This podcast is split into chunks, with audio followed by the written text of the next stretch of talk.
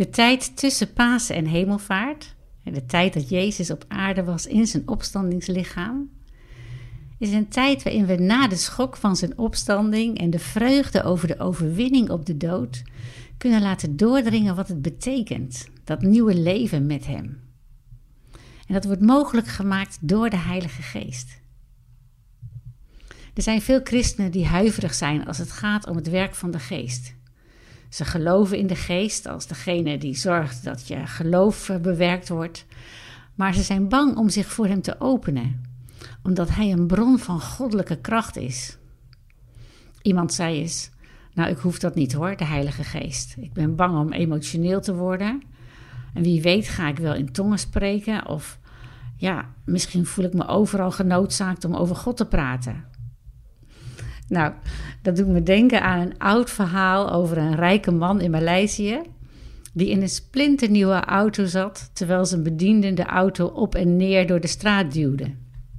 Toen hem gevraagd werd of er geen motor in de auto zat, zei hij: Jawel, maar ik durf hem niet aan te zetten.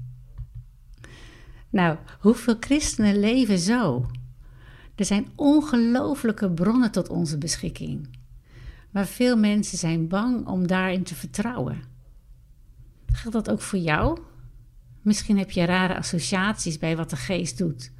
En ben je bang om emotioneel of ongebalanceerd te worden. Maar de Heilige Geest duwt je niet over grenzen.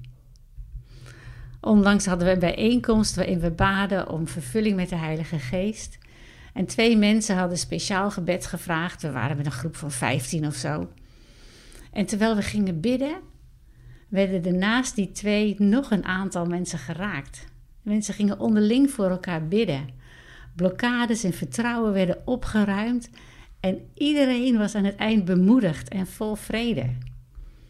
Dat is wat de geest doet als we hem bewust zoeken en ons voor hem openen. Jezus zegt in Johannes 14: en ik zal de Vader vragen en hij zal je een andere advocaat, een andere raadgever geven om je te helpen en voor altijd bij je te zijn. Sta er eens bij stil. De Heilige Geest komt niet als we hem nodig hebben en gaat dan weer. Hij is er om in ons te verblijven. En merk je dat dan altijd? Leef je er altijd naar?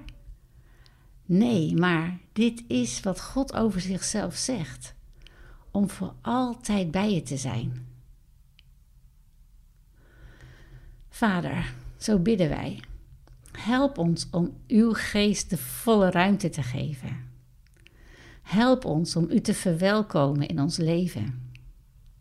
Help ons om de dingen van vandaag niet in ons eentje aan te gaan we verlangen ernaar om kracht te ontvangen door het samen zijn van het goddelijke van U met het menselijke van onszelf. Kom, Heer Jezus, en vervul ons. In uw naam. Amen.